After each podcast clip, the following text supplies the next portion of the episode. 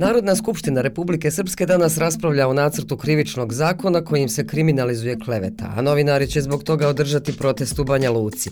Ćao, ja sam Leila Omeregić-Ćatić i eto za početak šta ima u šta ima. I ima još to šta za 14. marta, ali ovim počinjemo podcast. Ja sam Aida Đugum i pozdrav svima. One, two, three, to kao da vežu ruke nekome. To, to je za svako što, znači vraćamo se u jednoumne tortura. Tako komentarišu pokušaj kriminalizacije klevete u Republici Srpskoj neki od Banja Lučana. A u oči skupštinskog zasjedanja održan je sastanak između novinara i šefova poslaničkih klubova. Siniša Vukelić, predsjednik kluba novinara Banja Luka, objašnjava.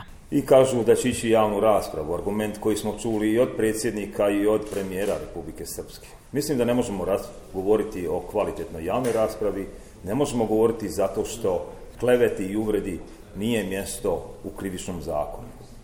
To treba ostati u, u građanskoj parnici. Dok Igor Žunić, šef kluba poslanika SNSD-a, kaže Da shvatimo da ovo jest osjetljiv trenutak i da jest osjetljiv zakon. Ali također da shvatimo da je vrijeme da javni prostor u Republici Srpskoj bude dekontaminiran od lažnih vijesti uvreda, kleveta i sve ono što ima. A protesti novinara bit će istovremeno održani kada i sjednica Narodne skupštine. A o cijeloj ovoj priči svoj komentar nam daje novinarka Rubina Čengić. Ovaj zakon se ne odnosi samo na novinare, aktiviste ili građane Republike Srpske, nego na novinare, aktiviste, građane cijele Bosne i Hercegovine, a boga mi na one koji bi izvan Bosne i Hercegovine rekli, objavili, napisali nešto što se bilo kome od dužnosnika u Republici Srpskoj ne bi svidjelo. Zakon je loš, do, neprecizno napisan, a u kontekstu pravosuđa kako imamo mi u Bosni i Hercegovini izuzetno je opasan za bilo koju slobodno misleću osobu. Kako reče Rubina, ovakav zakon neće uticati samo na novinare, već na sve građane. Zato će i udruženje Radnički pokret protestovati na Banja Lučkom trgu krajine u podne. Oni smatraju da izmjene zakona idu u korist poslodavaca, a na štetu radnika. Ostajemo još kratko u Banja Luci, gdje će danas pred osnovnim sudom početi usmeni pretres protiv Republike Srpske po tužbi roditelja stradalog mladića Davida Dragičevića. E njegov otac Davor i majka Suzana su, kako se navodi, podnijeli tužbu zbog diskriminacije koju je neposredno napravio entitetski MUP. Znaš šta, Lelo?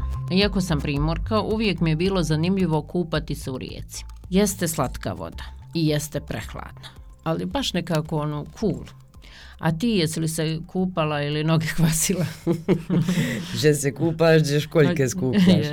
Kupala sam se u Drini, noge kvasila u Nevretvi, u Buni i hvala ne bih više. Em je hladno, em je teško plivati, em je dakle, teško se održavati na vodi. Ali rijeke volim i ogorčena sam kad vidim koliko smeća ljudi bacaju u njih. I onda naravno dođe i do poplava i svašta. Da, da, da.